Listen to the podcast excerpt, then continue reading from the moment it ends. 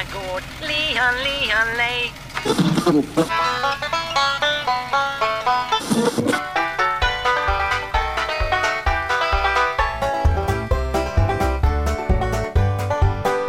Du lyssnar på Bondepraktikan presenterad av Bulletin. Bakom ratten finns precis som vanligt Per-Ola Olsson och Rickard Axdorff. Vill du höra våra fantastiskt ljuva stämmor en vecka innan gratislyssnare kan du alltid teckna en prenumeration på Bulletin.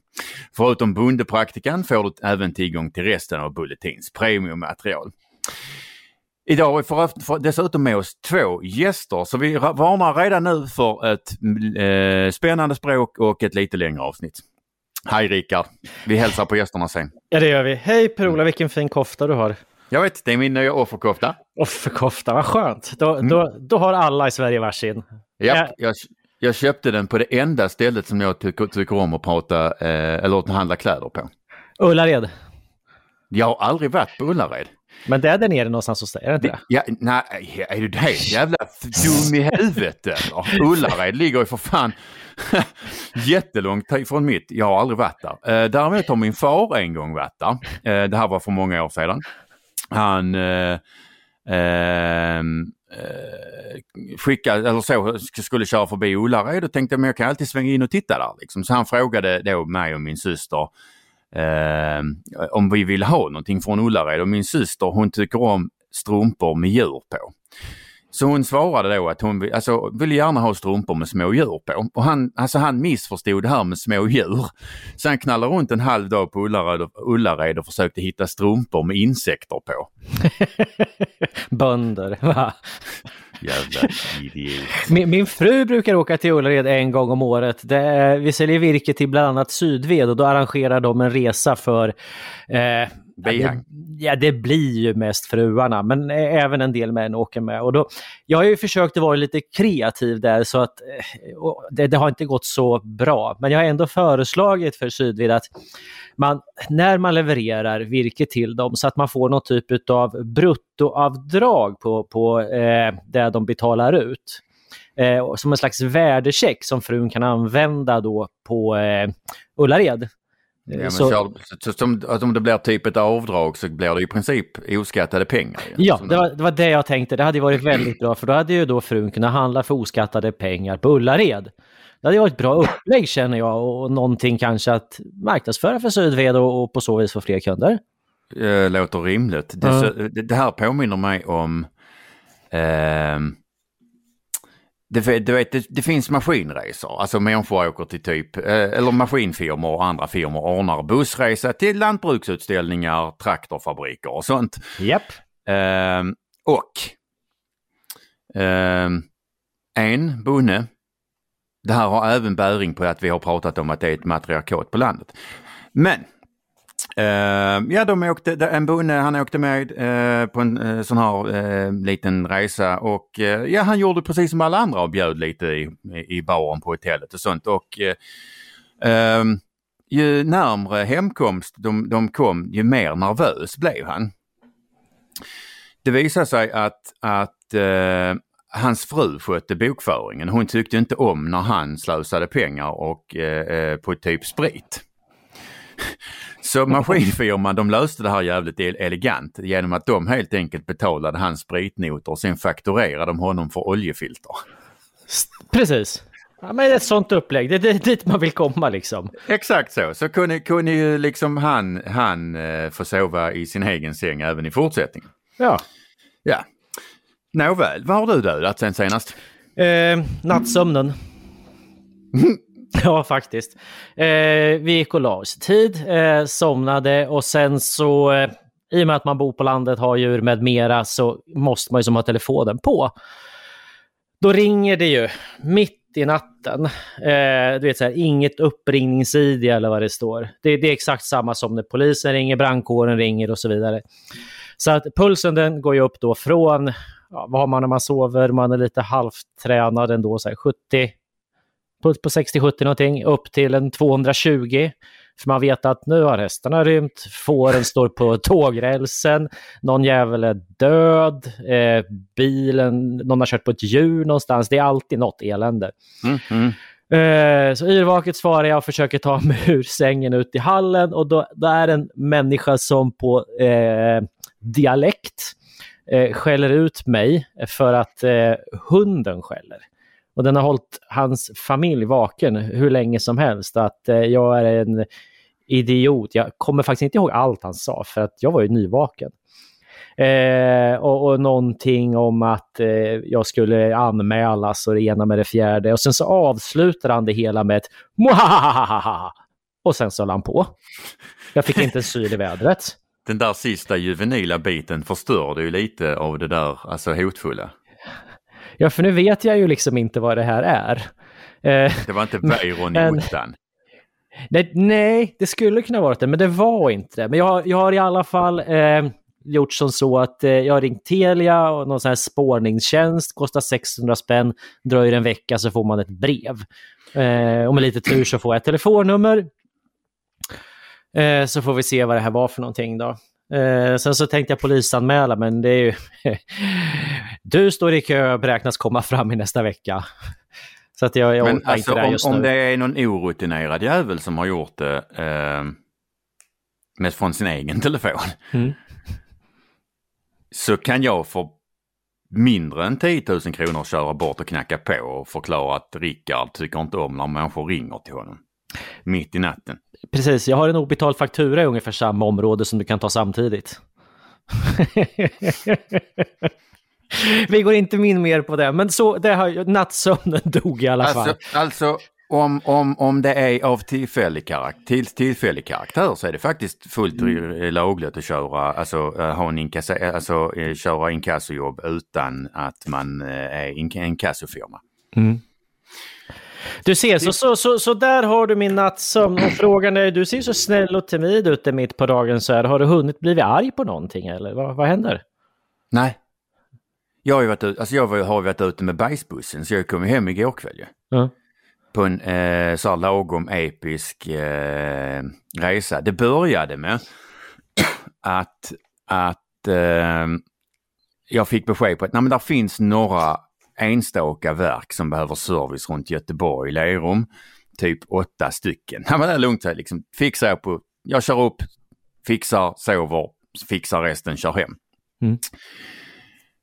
Ehm, sen byggdes det på lite med verk i Katrineholm eh, och Grythyttan. Eh, och sen byggdes det på med verk i Västerås och eh, Öregrund och Stockholm. Och ehm, så det blev, det blev lite mer. Det blev, det blev mer än bara två dagar. Ja. Eh, Så att när jag kommit hem eh, och har inte hunnit elda upp mig än. Däremot så, eh, så lyckades jag göra folk arga häromdagen. För att jag stannade på McDonalds i, vad fan det nu var, kan det varit Kungälv? Finns, har de ett McDonalds i Kungälv? Vi sa, det var någonstans där i, alltså de där trakterna. Ehm, eh, och där, alltså när jag knallar in så ser jag eh, två stycken brudar eh, som sitter och käkar och tänker instinktivt att de två häxorna de jobbar med djurskydd. Som man ju gör. Ja men det syns på dem. Så det skrev jag ju på Twitter. Jag skrev att knallade, stannade och käkade. Uh, ser två brudar som sitter och käkar. Tänker instinktivt att de två häxorna jobbar med djurskydd. Och mycket riktigt när de reser sig så står det Länsstyrelsen alltså, över hela deras jävla klädsel. Liksom. Eh, jag kan även ha skrivit att, att, att man ser på dem när de är onda. Eh, det var tydligen inte alla som förstod vad jag menade. Så Okej. de blev, lite, de blev lite arga. Det var bland annat någon, någon, någon tant som, som, som eh, eh, skrev att, eller ja, någon tant, han skrev att, att han tänkte avfölja mig för att så fick man inte skriva och bla bla och någon annan tant som eh, eh, ifrågasatte med, eh, och vadå, ska man få behandla djur precis som man vill? Var fan fick du det ifrån? Jag skrev att de som jobbar på, alltså man ser på, på folk när de jobbar på Länsstyrelsen för att det är liksom slasken. Uh, jag har liksom inte sagt att man ska få behandla djur hur som helst. Jag bara konstaterar att de som jobbar på Länsstyrelsen är onda. Och att man ser det på dem. Uh, hon förstod inte heller. Så att jag lyckades göra människor lite upprörda. Uh, det var inte första gången, förmodligen inte sista heller. Men när vi ändå pratar om, om, om eh, urspårade förvaltningar och myndigheter. Som Vi, vi, alltså, vi kanske ska säga också att nu är Länsstyrelsen inte här och kan försvara sig, men det spelar mindre roll. länsstyrelserna ska läggas ner. Och vi ska salta marken där de en gång, alltså de, de, de, de då nerbrända byggnaderna har legat. Alltså, eh, där har ju du och jag olika uppfattningar, men jag ser nu eftersom att vi, vi har ju eh, bild när vi spelar in och, och, våra gäster börjar på vrida på sig. Så att jag tänker så här att eh, kan inte du Per-Ola ja, men... ta och presentera dem, eller vadå? Jo, det var just det jag var på väg att göra innan du avbröt mig. Jag hade en sån jättefin övergång. När jag ja, varsågod, varsågod. Prata... Är det för sent att ta den? Nej, nu tänker jag inte göra det. Nähä.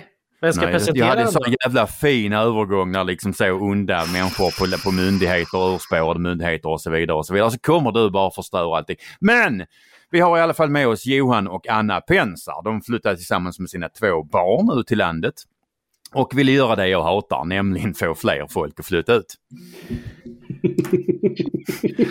Det här innebar att de tvingades inse att det inte är samma regler för folk på landet som för folk i stan. Hej Johan och Anna! Hej! Hej! Hej! Eh, och nu har, alltså, den, den här frågan har Rickard, jävla tråkmånsen, förberett, nämligen vilka är ni? Varsågod Anna. Ja, men jag är Anna och jag tror att jag är 38 år, eh, fyller 39. Ibland tar jag fel på ett år och eh, brukar vinna ett år, vilket är trevligt.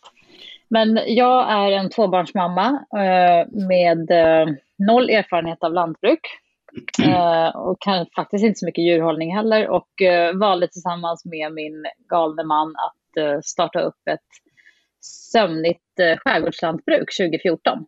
Eh, vi flyttade hit med första barnet i magen. Nu försvinner Eh, du mitt jobbade- hjärtat. Ja, förlåt. Ja, Hör ni mig nu? Ja. Ja. Nej, men vi flyttade hit med ett barn i magen och eh, ganska snabbt kom barn nummer två. Så vi har två döttrar och sen har vi lite hästar och får och höns och fågelhundar. Och jag jobbar också som digital strateg med eh, lite olika varumärken på en byrå i Stockholm. Ja. Och du då Johan? Eh, ja, men jag, jag är en gammal asfaltsrotta, betongrotta. Eh, kommer ursprungligen från Sollentuna, gått i skolan vid Malmvägen och, och åkt pendeltåg mycket i mitt liv. Träffade Anna och eh, kärlek uppstod och vi beslutade oss för att köpa en gård här och flytta till skärgården. Tidigare har jag jobbat och drivit massa olika företag och eh, jobbat som entreprenör och vd och konsult och liknande. Och sen flyttade vi hit och eh, tänkte att det här blir bra med lite lugn och ro och komma till en trevlig miljö, väcka till liv en gammal gård och lära oss massa saker. Eh, har ingen erfarenhet från lantbruk eller djurhållning eller liknande, men vi tyckte att det här var ett spännande äventyr. 43 år. Spännande. Ja, Och det var väl en, en ganska så lovvärd, okej, även om jag inte kanske håller med om, eller tycker det är så jävla kul med folk på landet eftersom jag inte gillar människor. Men nu bor ju inte jag där så det stör inte mig. Men hur, hur så, er plan som sagt, väcka liv i ett lantbruk, eh, ni börjar snegla lite på eh, fler hus. ja men eh, Och lite, vad ska vi kalla det för? Utveckling? Jo, men eh, vi flyttade hit för sju år sedan blir det ungefär. ja. Och alltså man tänker ju inte mycket på de här sakerna. Om väg, avlopp, vatten, elfiber, parkeringar. Det är ju sånt som man faktiskt har tagit för givet när man bott inne i stan. Mm. Eh, eller liksom, vi, vi har väl alltid haft uppfattningen liksom att ja, men, människor är framåtlutade och utvecklingsorienterade. Så vi, vi flyttar hit så det här, det, här, eh, det här blir ett kul och spännande äventyr så får vi lära oss eh, utifrån det då. Och eh, vi märkte väl ganska snabbt att saker och ting inte stod rätt till. Redan efter vi flyttat ut, då, eller flyttat in kan man väl säga här till skärgården, så blev vi kallade till så kallat lantmäterimöte på Södermalm. Där vi fick träffa då alla människor som har fritidshus här ute primärt då.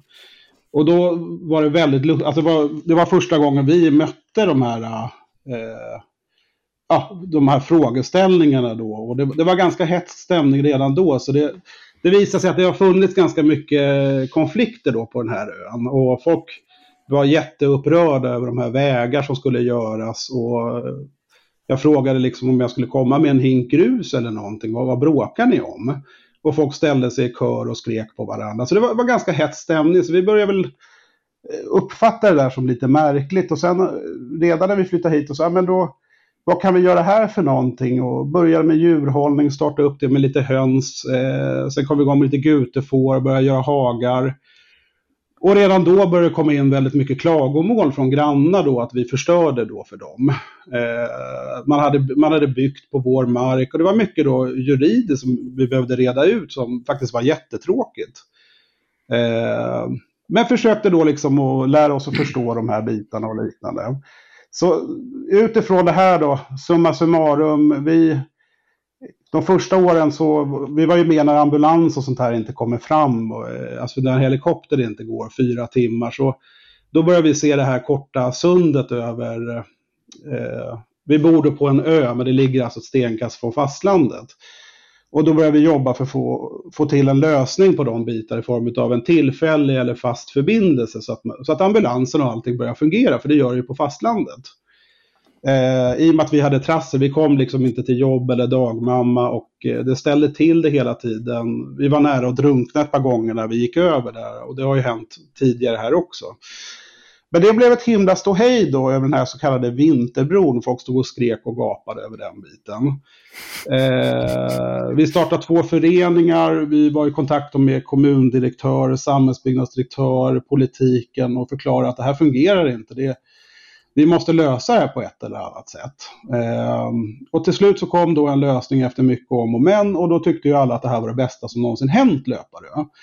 Så efter den upplevelsen med alla de här äh, pågående konflikterna och människors åsikter och tyckanden äh, som då inte bor här. Äh, så tyckte vi att det var så himla märkligt här så vi, vi satte oss ner och funderade och fra, från det så växte det fram en vision då och säga att ja, men, vi kan väl modernisera hela det här lokala sam, alltså det här samhället. Det är 230 fastigheter idag. Vad är det som behövs? Det är en hög medelålder, det är avfolkningsproblematik, det är eftersatt infrastruktur då i form av tillgänglighet. Ingen Vaxholmstrafiken drogs in 1949. Det ligger två öar från Ängsö, eh, som är Sveriges första nationalpark, som numera är obebodd.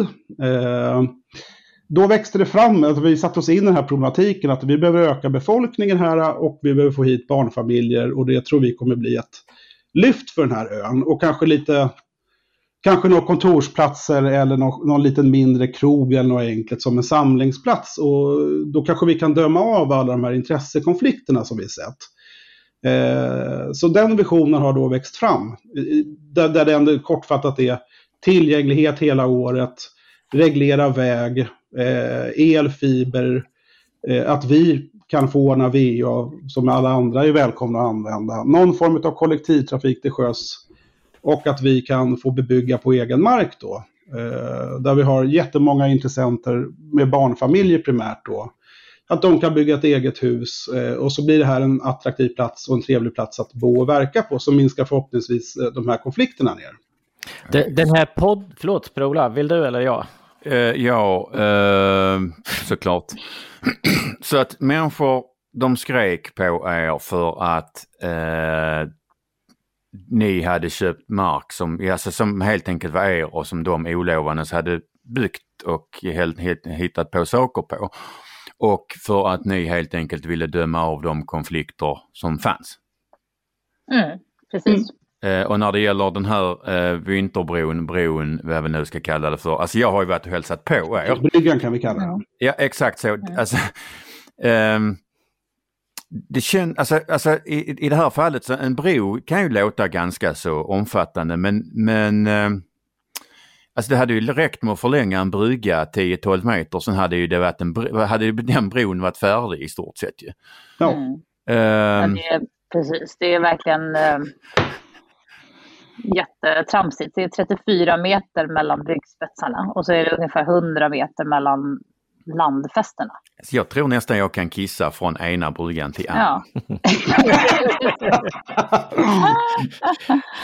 ja, men det är en riktig ö vet ni. Och så när man ska åka ut där så ska man åka ut till Skärs och över till Löparö. Det är bara det att man startar mo- båtmotorn och sen slår man liksom i land innan man har hunnit. Ja. Alltså, jag tyckte ju att det var ganska löjligt med kryssning för att åka till Åland, liksom när man i princip aldrig lämnar skärgården. Men, Precis. men, men, men eh, alltså, er, alltså, resan, re, alltså båtresan till er känns ju inte helt meningsfull om man ska vara helt ärlig. Nej, nu sett, alltså det tar längre, det tar, alltså eh, för mig med mina långa ben så tar det för fan längre tid att sätta sig, alltså komma i och ur båten än vad det tar att åka, åka liksom. Mm. Ja, då har du åkt både lillbåt och storbåt. Men nu, nu har Rickard en fråga. Jag modererar lite. Vad trevligt! Äntligen! Ja, men det- jag visste att det var en kvinna som saknades i den här podden. Ja, men eh, jag bara tänker att vi, vi heter ju faktiskt Bondepraktikan och vi har en hel del bönder som lyssnar. Då De är säkert mer lite intresserade lite grann om lantbruket i sig och, och vad, vad ni har och hur det går till och hur det såg ut när ni kom dit och vad ni har gjort. Och Anna, jag ställer frågan till dig då. Precis, tack. Och när ni kom dit, och var det budgivning och hur gick det till? Och... Ja, precis. Eh, jo, alltså vi kom hit i november 2014. Eh, då var det igenvuxet kan man väl ganska gott säga. Eh, lervägar, eh, inga hagar och eh, liksom, fokus hade varit på nytt kök och ett fint båthus ungefär. Mm. Alltså inget ont emot någon som bodde där tidigare men det var liksom inte, på visningen fick vi inte ens se insidan av ladan. Och vi fick verkligen inga liksom, eh, ingen visning av markerna. Så det var ju mindsetet kring alla. Det var marknadsfört som ett sommarställe med lata dagar på bryggan. Precis. Okej. Eh, och sen har ju liksom inte vi haft, eh, vi har väl haft en vision om att vi vill få det där att börja leva och använda markerna. Och till en början så var det mycket för fågelhundar och liksom jakt och såna här grejer eftersom vi har, har fågelhundar. Eh, men e- efter bara några månader så märkte vi att här kan man ju ha massa andra djur och det kan vi säkert klara av. Just det. Så det, det började med att skaffa gutefår Vi skaffade gutefår, tio stycken. Eh, Och sen har vi liksom fått till en flock nu på 20 individer ungefär. Eh, De, de har jag sett att de turistar i Stockholm va? Ja, nej det gör de faktiskt inte. Vi skickar inte iväg dem på, på bete för vi har överflöd av marker att beta här så de behöver jobba här. Däremot så har vi lagt till två i kullen ifrån eh, Skansen, eh, Skansenflocken. Ah, så det är tvärtom? Ja, så att de, eh, Skansen har, vi har köpt två, två djur av dem då ifrån Årets lamm kan man säga. Och de är jättebusiga, de, de är hundar numera för de har varit i karantän här på gården på grund av, vi är med i klövkollen så att då karantänar man djur när man tar in nya. Och eh, de, har blivit, de tror att de är två hästar nu. Så att de, eh, de vägrar och de smiter ut ifrån fårflocken nu när de är introducerade. Vi, vet inte hur vi ska hantera det, men vi får se. Mm. Ja, men, så att uh, gutefår och, och liksom som landskapsvårdare framför allt. Och sen jättekul att nörda ner sig i lantraser tycker vi. Mm. Eh, och liksom jobba med bevarande och, och sådana saker. Vi ska ansluta till genbank och vi har gått med i massa fina program som man ska vara med i för att ha hälsosamma djur. Med det Visma-programmet och Klövkollen framför allt. Och eh, sen så eh, var det ju inte nog med det, så då köpte vi två stycken nordsvenskar på Instagram. Eh, för att det hade vi formulerat i våra huvuden flera år sedan, att det skulle vara fantastiskt och vilken dröm det skulle vara att ha två stycken nordsvenskar som hjälper till med bete, som man kan köra lite vägsladd med, som man kan köra lite vagn med och rida på. Ja. Eh, och eh, då hajade en eh, annan lantbrukarvän till i flödet när vi skrev en sån, en sån post, att det här skulle vi vilja göra någon gång. Och så sa han, vänta, jag behöver plats till mina två nordsvenska ston. Kan de få komma och bo hos er? Eh, och det var herr Kossan i skogen, kallas han för. Han har länge jobbat som eh, arrendator för eh, Länsstyrelsen, tror jag. Och eh, ska numera ta över arrendet på Björnö. naturreservat. Okej. Jättekul och härlig person. Han i alla fall eh, kom hit med sina två nordsvenskar. Och sen var vi helt, helt hooked på, så nu är vi en hästgård också. Och kör vidare på temat lantraser och eh, duktiga landskapsvårdare.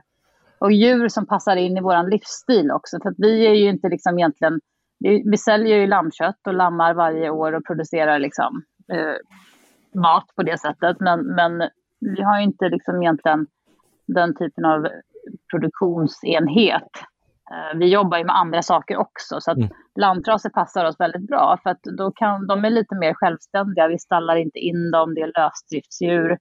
Man behöver inte hålla på med tecken och liksom såna saker på våra hästar, utan de fixar det själv med fluffig päls. Um, så att ja, eh, där är vi nu ungefär och det är jättekul. Sen kom Penny Ponny glömde du Anna. Penny Ponny, lilla vår lilla shetlandsponny. Ja, precis. Det är en till sån här, eftersom kossan i skogen då, han jobbar på Skansen. eh, och eh, då, då föreslog han att det är en, en liten dam där på 23 år som behöver gå i pension. Och hon skulle säkert trivas med våra nordsvenskar. Så att eh, Pennyponny, Shetlands Pennyponny, hon flyttade hit i somras. Och nu har jag faktiskt precis gjort transaktionen och vi har tagit över ägandeskapet på henne. Så att, eh, nu, nu bor hon här för alltid, tänkte jag säga. Se där. Som, som markägare äger man ju i normala fall, lägger jag till då, eh, även landskapsbilden. Eh, ni har ju pysslat lite med den också. Eh, jag Yes. tänker på vatten... Mm. Vi, vi gjorde ju... eh, Vi började byråkratin tror jag var 2015-16 va Anna? Och sen så Yes. fick vi till en våtmark efter mycket om och men. Det var en hejdlös byråkrati i den. Men vi lyckades då, det är ungefär 10 000 kvadratmeter eh, som vi rensade, som var igenväxt skräpyta. Eh, som nu är mer en hektar öppen sjö. Jag tror vi behöver gräva lite till för att få in flodkräftor och liknande. Och sen har vi ju jobbat mycket på, alltså alla åkrar höll på att växa igen och bli skog. Så vi var ute och slog med traktor och har rensat diken och tagit bort sly. Så vi har lagt ner rätt mycket jobb här för att ja, få, få i ordning den här gården igen. Eh, och det har varit väldigt mycket glädje, väldigt mycket hårt arbete. Eh, men, och väldigt lärorikt också. Så vi har ju lärt oss jättemycket. Mm. Precis, och nu, nu ska jag säga att om det- man... Förlåt, kör. Ja, varsågod. Nej, men jag tänker som du sa, landskapsbilden, eh, Rickard. Om man, om man kommer till oss nu så tror jag att alla upplever, speciellt det här tillägget med kombinationen hästar och får Mm. eh, och inhagade marker. Eh, det, det är extremt liksom, öppet, välbetat. Det kommer fram också gammal, liksom, gammal, eh, gammalt landskap som man ser är bearbetat sedan länge men som har liksom sovit och varit gömt bakom den här undervegetationen. Och det, jag skulle inte säga att det är, det är lätt att liksom ta fram det, men det är väldigt tacksamt att, att uh, öppna upp det. För du, du ser att liksom, det finns jättemycket där under som många generationer har jobbat med att hålla vid liv. Uh, och nu går det att plocka fram igen. Det är väldigt kul. Du har inte varit på ön va, Rickard? Nej, jag har varit inbjuden men jag har inte varit där. Eh, jag tänkte åka dit nu på höstlovet men då hade ju familjen eh, åkt därifrån. Så det blev inte så. Just det. Så jag, jag tar det en annan gång. Ja, det låter, ja, men, jag har ju varit där eh, och eh, knallat runt och det är ju... Eh, alltså det syns ju att Anna och Johan har gjort ett, ett eh, jävligt gediget och rätt stort jobb med att att plocka fram miljön eh, som, som har varit lite sovande som sagt.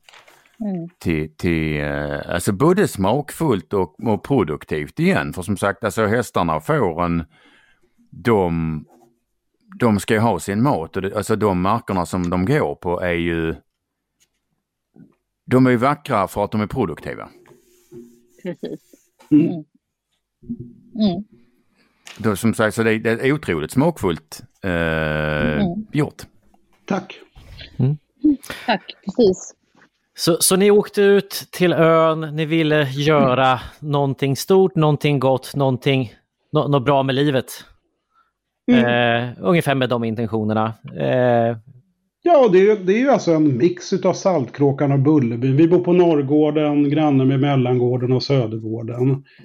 Eh, så det är ju en jättefin miljö för barn att växa upp i och eh, en fantastisk plats. Vi har ju verkligen blivit kära i den och eh, kämpar för att kunna bo kvar här. Mm. Ja, alltså precis. Vi, själva, liksom, vad säger man, mottot är väl på något sätt att håll kvar och bevara det som är väldigt, väldigt bra med det här stället och försök att ändra på det som inte fungerar och som inte hör hemma i framtiden. Eh, det är väl det vi försöker liksom agera efter och det skapar en massa intressekonflikter och eh, ibland upprörda känslor men, men eh, vi tror ändå att, eh, att det kommer ge med sig. Och jag tror också pandemin har ju liksom skapat en slags acceptans för den här livsstilen som vi valde kanske sju år innan. Lite grann. Det här med att kunna ha en frihet i att multitaska som man gör mycket på en gård idag. Man är ju liksom både jurist, byråkrat, eh, maskinspecialist och djurhållare. Blankettfyllare, ja. Ja, just det. Ja, Icke att förglömma blankettifyllare. Men, ja. men um, alltså det som sagt jag har, jag har ju, har ju uh, följt ert arbete lite och, och uh, alltså även om jag inte gillar folk uh, så ska ju framhållas att alltså jag säga, mycket av ert ar eller, arbete, alltså grunden är ju mer eh, likt en lantbrukares eller en, en skogsbrukares än en, eh, förlåt epitetet, stockholmare som flyttar ut. För att att, nej men alltså, alltså ert mindset, är, alltså om man ska sammanfatta det så handlar det ju mycket om att förvalta det man har. Och för, alltså, göra, alltså mm. förvalta, förvalta det som en resurs och inte som ett reservat. Ja, där, där finns ju fortfarande oerhört mycket, mycket eh, känsla för både gården och marken och miljön och, och ni vill göra någonting bra av det utan att, eh, som sagt, Nej men som sagt mer ett reservat än ett, eh, eh, eller mer en resurs än ett reservat. Mm. Det är inte som sagt inte en stockholmare som åker ut och han ska få bygga sina jävla eh, ta, mm. franska balkonger och sen ska min själ ingen annan få göra det. Nej, alltså vi vägrar, vi vägrar att vara ett museum eh, för andra människor. Jag, jag, tycker att det som vi gör med landskap ja, förlåt, det, det som vi gör med marken och med landskapet, eh, det gagnar... Speaking of feed. Ja, det är landsbygd, då blir det så här. Ja. Tappar upp ja, kopplingen. Nu får ta om Ja, jag ska se om jag kan flytta på datorn lite. Få lite bättre wifi. Hör ni mig nu? Absolut. Mm. Ja, vad bra. Nej, men vi, vi har väl sagt det hela tiden, att vi vägrar vara ett museum eh, för eh, människor som inte bor här eller för liksom omgivningen. Vi är helt med på att mycket av det som vi gör med landskapet och med, med djuren är en god gärning för miljön, för framtida generationer och så vidare. Men, men det får liksom inte stanna vid det. Vi måste också kunna utveckla vår mark och, eh, och vi kan inte liksom styras av den typen av ganska begränsade intressen. Nej, och en hel del av eh, de intressena som försöker begränsa er, det, alltså eh, de har egentligen inte lagligt stöd eftersom deras in, alltså intresse är att få fortsätta eh, bete sig på mark de inte äger. Mm. Mm. Ja, men det, det är ju, det är ju mm. jag, jag, tror också det är en del av problematiken här är ju både gamla konflikter och sen är det att eh, andra har tagit för sig, man har byggt, man har kunnat göra vad man vill på, den här, på de här markerna, såga träd, elda, köra fyrhjulingar och bygga lite där man känner för att göra vad man vill. Och sen kommer vi att börja hävda och bruka markerna och då blir man ju jätteupprörd. Vi har exempelvis, vi har exempelvis nu när vi gör nya djurhagar på egen mark, för det brukar ju en bondgård göra för att kunna ha boskap.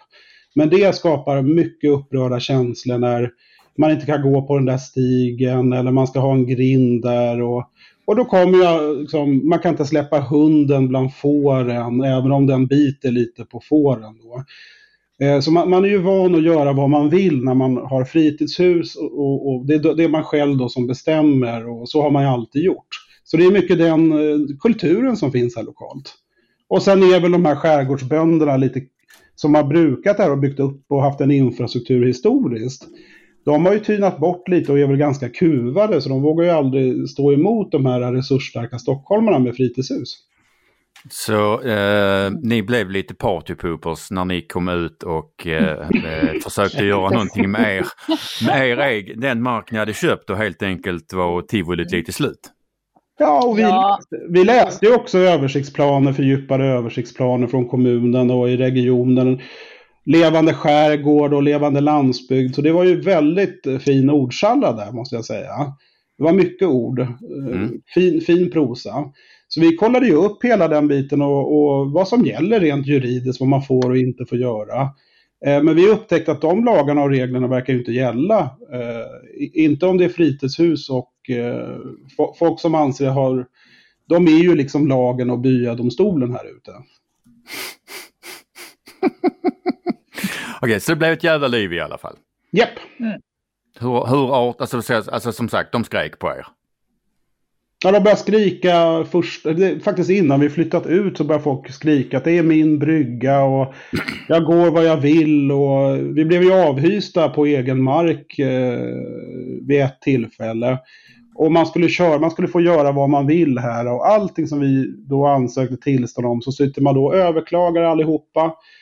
Går ihop och sen så har man ju då utvecklat dem. De, de kallas för liksom, eh, ja, ett visst område för en maffia då. Och då går man ihop där i de här små tomtföreningar och vägföreningar och säger att skriv under det här pappret annars får du liksom inte komma ner och bada. Då, då får inte du vara med i vårt gäng här. Så man håller ju på med ren vuxenmobbning och liknande och det är det som har pågått här. Alla som har ägt den här gården har drabbats utav det här. Mm, precis, så vi är kanske de, de första på länge som sätter lite hårt mot hårt faktiskt. Och inte, inte bara tolererar det. Och jag skulle säga att de flesta är ju ganska sofistikerade. De, skri, de skriker ju inte nödvändigtvis på byn. Bara ibland. Bara, bara ibland. Eh, utan de sätter ju sig ner och, och skriver långa, långa skrivelser. Flera Det- sidor till Länsstyrelsen, lokalpolitiken, eh, kommunen Kommunen, och så lokaltidningen. vidare. Ytterligare en, en del där, eller vad ska jag säga, en erfarenhet och ett problem som ni delar med väldigt många lantbrukare.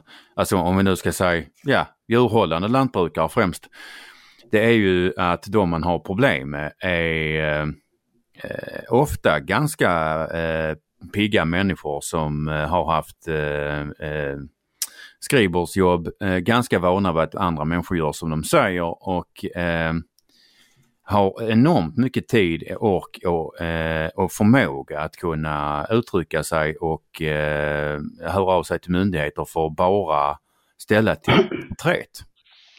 Vi har ju alltså allt ifrån statssekreterare till eh, olika eh, som chefer för myndigheter och liknande som har eh, jättefina sjöställen, tyvärr med lite svartbyggen och lite olovliga avlopp och såna här saker som man då som man har haft det på landet som man ska ha det sådär lite enkelt och spartanskt. Och man har väl utvecklat en sån kultur här att man gillar att ta för sig, man, man är van att få och man är van att, att bestämma.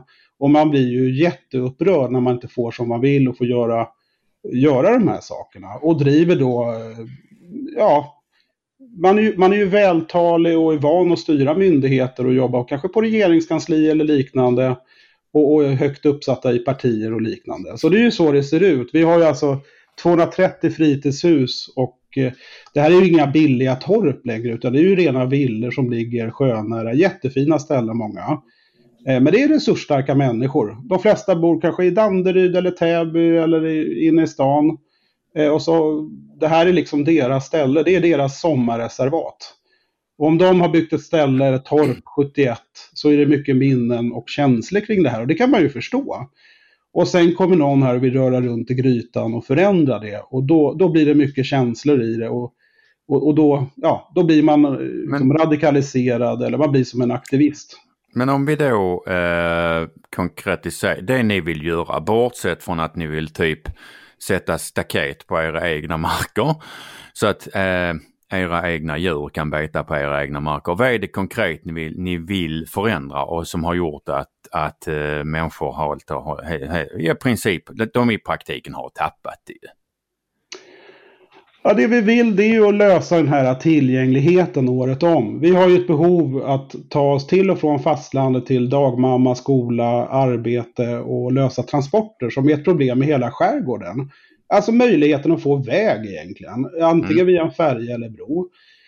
Och sen så skulle vi vilja eh, bebygga egen mark med hus och få mer permanentboende. För vi tror att det skulle förbättra dynamiken här ute. Eh, vi skulle vilja lösa det med kollektivtrafik till sjöss. Nu har vi på gång med en, eh, faktiskt världens första snabbaste vätgasbåt som släpper ut vatten eh, och syresätter havet. Så vi tror ju på att det finns sätt att lösa det här. Kanske kunna ha möjligheten att ta bilen hela vägen hem med en laddstolpe. Vi är pro liksom elektrifierade transporter, vi har inget problem med det. Slippa de här båttransporterna. Och eh, sen sätta upp någon form av enkel lada med typ kontor eller någon enkel krogliknande för att få en samlingspunkt där man kan gå iväg och jobba istället för att man sitter hemma och jobbar hela tiden. Så är det rätt trevligt att ja, men smita ner och käka en pyttipanna och eh, sitta, kanske sitta och jobba därifrån. Eller en mötesplats där man kan dricka en pilsner och snacka lite skit. Vi tror det behövs verkligen. Mm. Eh, och sen och mycket av det handlar ju, det ökar ju vår levnadsstandard och gör det enklare för oss att kunna bo kvar. Och då tror vi att mycket av de här frågorna som hur vi ska ta oss till skolan, vi spenderar liksom tre timmar per dag idag för att skjutsa kidsen till dagmamma och skola. I och med att vi nekar skolskjuts och sådana här saker och inte finns något alternativ. Då tror ju vi att framöver liksom, har vi vägförbindelse och liknande och kanske mera föräldrar med småbarn här. Då kan ju vi gå ihop och skjutsa gemensamt till fotbollen eller till hästridningen eller till skolan. Och, och, så får vi lite enklare liv. Och sen kan vi rent finansiellt betala för den här vägfärjan eller broförbindelsen, VA och kollektivtrafik eller ångbåtsbrygga och få lönsamhet så att vi kan rusta upp och kanske skaffa lite kossor och få in lite flodkräftor och göra lite annat också. Så det är det vi vill göra. Hur många kåkar vill du bygga? Planen var 27 stycken villor. Det är ett markområde då som ligger jättefint eh, på ungefär 20 hektar. Och där tänker vi att vi bevarar åkrarna där folk kan ha odlingslotter eller bruka marken om de vill hjälpa till med det. Eller så kan vi släppa djur där. Och så har vi de här gamla granplanteringarna som inte alls är så roliga. Men som är jättefina marker för att eh, med berg och liknande som ligger på ett högt läge. Kan bli jättefina platser för en, en barnfamilj att skaffa ett eget hus och en egen tomt och ta, börja vårda den biten. Och vi ser gärna att de förhoppningsvis blir, väljer att, att bosätta sig här också. Det skulle vi tycka var jättekul. Mm. Hur många fastigheter fanns alltså hur många sommarhus fanns det? På, på, på det, var, det var jättemånga. 230 finns det idag. Och det är ju som ett omvandlingsområde idag, det vill säga nu byggde någon om 440 kvadratmeters villa här. Eh, någon annan gjorde 140 kvadratmeter. Så det, pågår ju en omvandling redan nu. Och eh, vi märker ju efter, i samband med pandemin och den här vinterbron vi fick till, så är det kanske, vi kanske gick från 12-14 bofasta upp till kanske 100, även fast folk är inte skrivna här, så vistas de här hela tiden.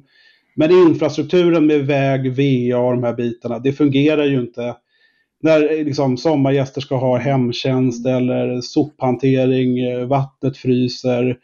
Eh, så det, det, pågår liksom en omvandling här. Precis som mm. det gjorde i Vaxholm i Täby en gång i tiden. Mm. Så det är mm. alltså en, en, en ökning med 11-12 procent. Alltså när det gäller fysiska hus. Ja, det, det, blir det ju. Det blir. Den, här, den här fastigheten har ju varit, alltså, den har ju inte gjort några sådana här sommarhusområden. Utan den är ju då, det har avstyckats kanske fyra, fem tomter eller någonting genom alla generationer. Det är ju en stamfastighet från 1639. Mm. Eh, Medan många av granngårdarna här har ju valt att exploatera den då för sommarhus.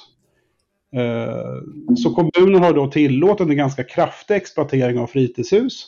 Norrtälje har ju då mest fritidshus i hela Sverige. Eh, och det finns en obalans liksom mellan fritidshus och eh, bofasta som vi tror vi tror inte att det är sunt och vi tror att det bidrar till mycket problematik. Och det blir absolut inte särskilt lönsamt ur ett kommunalt perspektiv. Mm. Hur, hur, har ni kollat hur, hur, marknaden ser ut för de här husen? Finns det en Ja, efterfrågan?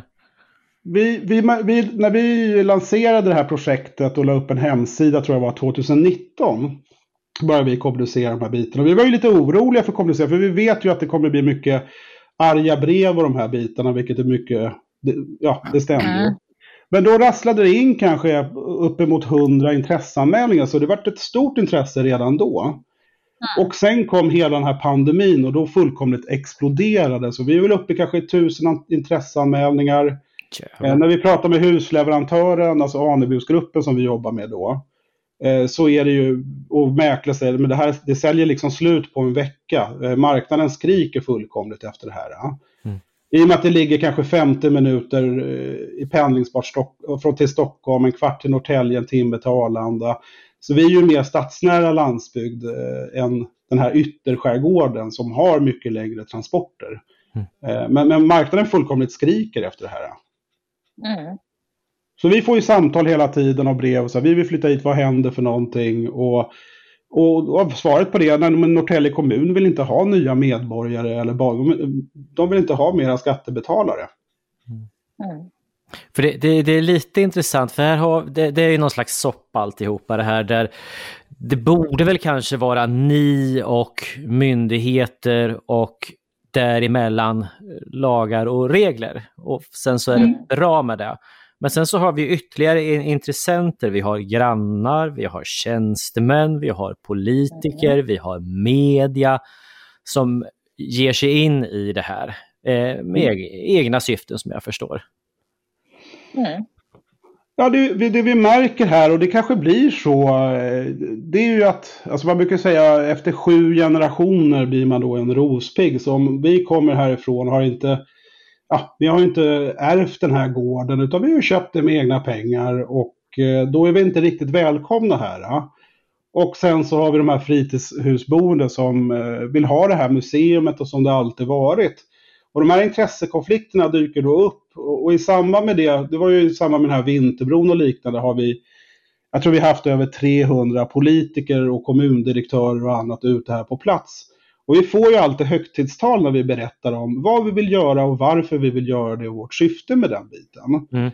Eh, och man har ju antagit sådana här handlingsprogram för landsbygd och skärgård efter en folkomröstning. Man, vi har fått två tjänsteutlåtanden från kommunstyrelsen som är jättepositiva till det här då. Så det är ju det vi har gått på när vi har skickat in våra ifyllda blanketter och den byråkratin. Men det vi märkte sen var ju att prakt i praktiken är ju här helt värdelöst därför vi blir ju slängda under bussen sen.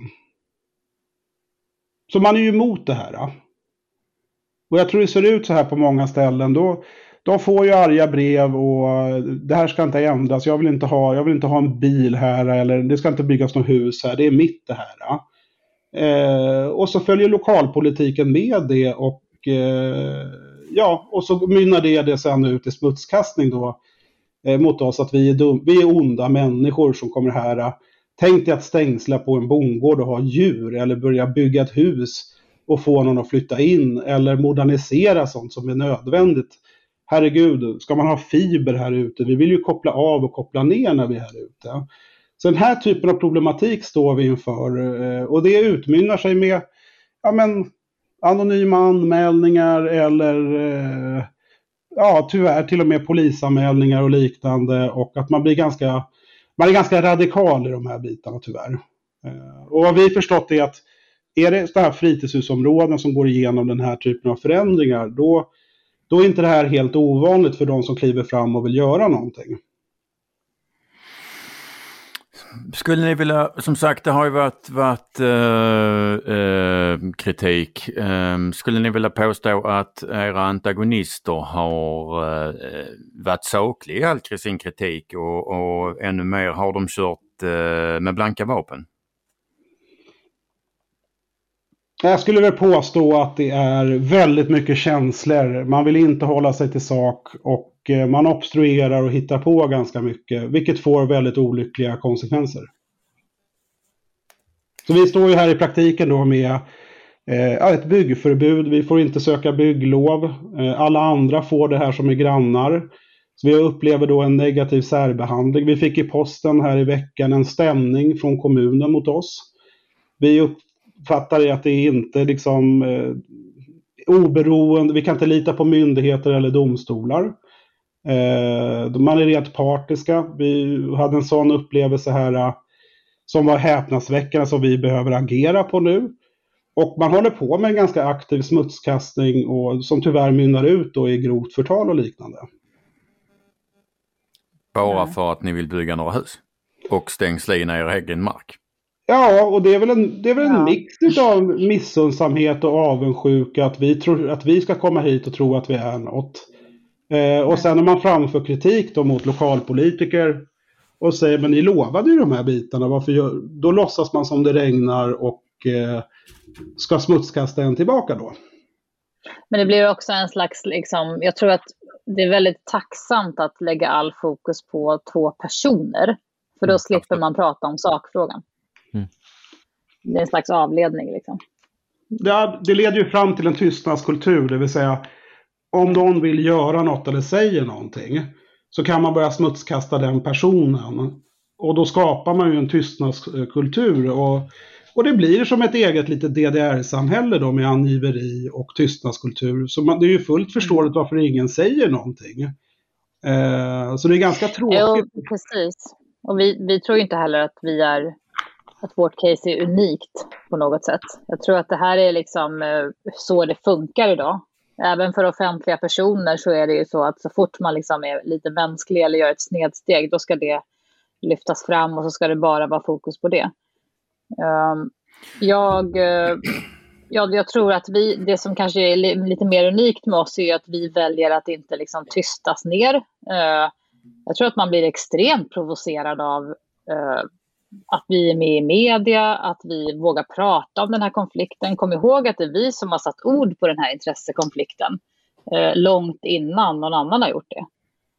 Eh, och det tror jag man, man blir väldigt provocerad av och tycker liksom att och så jobbar man ännu hårdare för att smutskasta och få det att handla om oss som personer, när det egentligen inte gör det. Vi får, vara, vi får vara jättedumma och hemska, men, men vi får fortfarande söka bygglov. För... Och, och, ja. Um, jag, jag har ju, har ju följt det här lite och uh, alltså det, det mycket är symptomatiskt för, för mm. de här, vad ska vi säga,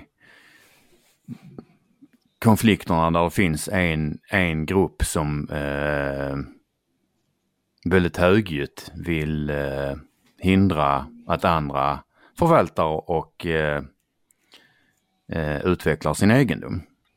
Mm. Um, så det, det, är en erfarenhet ni delar med väldigt många andra. Eh, samtidigt så, så, jag som har bott på landet i stort sett alltid, jag, jag ni får ursäkta lite men alltså jag fnissar lite, alltså jag, har, jag, jag fnissar mm. lite åt, åt, åt eh, beklagligt nog den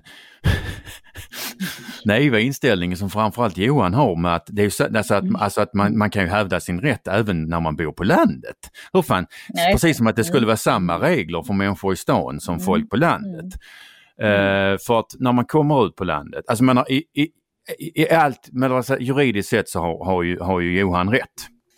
För det är samma lag och man ska få göra samma saker och man har mm. samma skydd till sin mark och man har samma mm. skydd för sin egendom. Och man ska få lov att söka bygglov och, och, och man ska få lov att, att döma av konflikter. Men eh, vi vet ju också erfarenhetsmässigt att det ser ju inte likadant ut på landet som det gör i stan och att människor på landet har sämre rättigheter. Mm. Eh, vilket ju ni även har tvingats inse nu. Mm. Det, och det är Per-Ola, jag får kommentera, jag håller helt med dig. Och det är ju helt fel. Vi, vi ska ju vara lika inför lagen.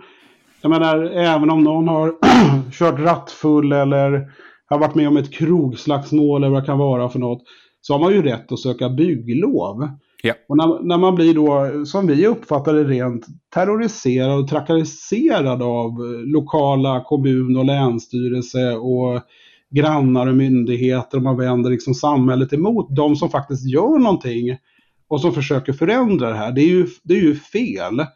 Eh, och här, här behöver ju de på landsbygden eller som bor i skärgården måste ju också bita ifrån på de här bitarna. Ja, det behövs. Eh, det behövs. Eh, och jag har ju som sagt sett hur, hur eh,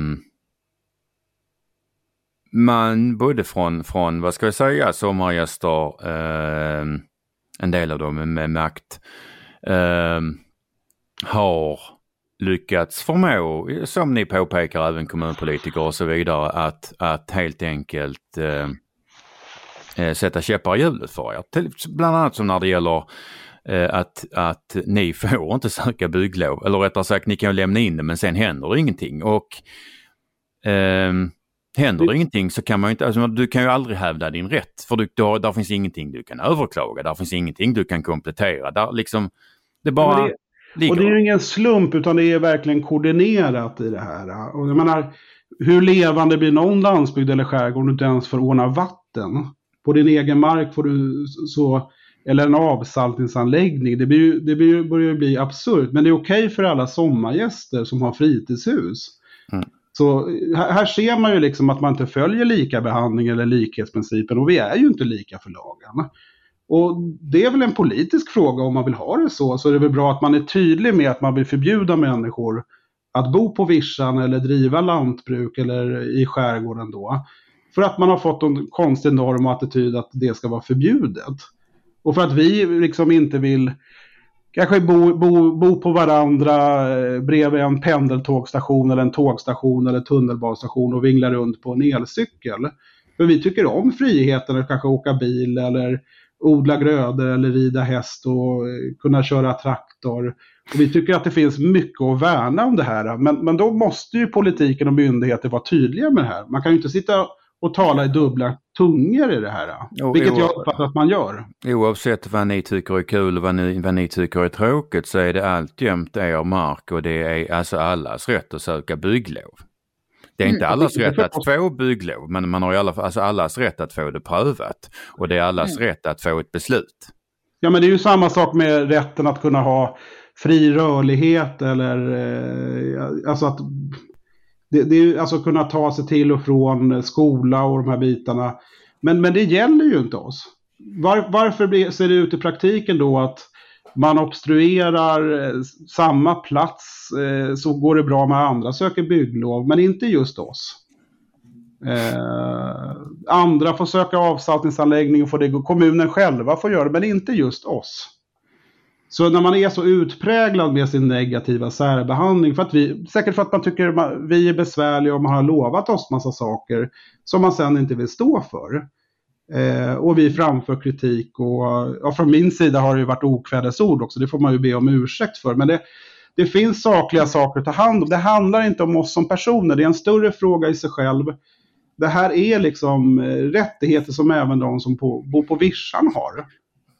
Absolut. Ska vi ta äh, okvädesorden också? Äh, och återigen så kommer jag väl bli tvungen till att prata över huvudet på er. Men som sagt, jag har ju sett hur ni har kämpat och jag har sett hur, hur mm. äh, Johan till viss del eh, traumatiserade kanske till att ta i, men, men alltså jag har sett hur Johan har blivit väldigt eh, ansträngd. Eh, och det är, alltså det, är, alltså det är uppenbart mm. när man har följt det här att, att, eh, att alltså tvingas uppleva en ny verklighet där, alltså, där man i praktiken är rättslös. För det är det, det, är det man är mm. när man inte har, har eh, mm. samma rättigheter som andra. Det har tagit på Johan och Johan har ju eh, sagt traumatiserade är kanske lite till att ta i men vi är, vi är nyanser därifrån. Mm.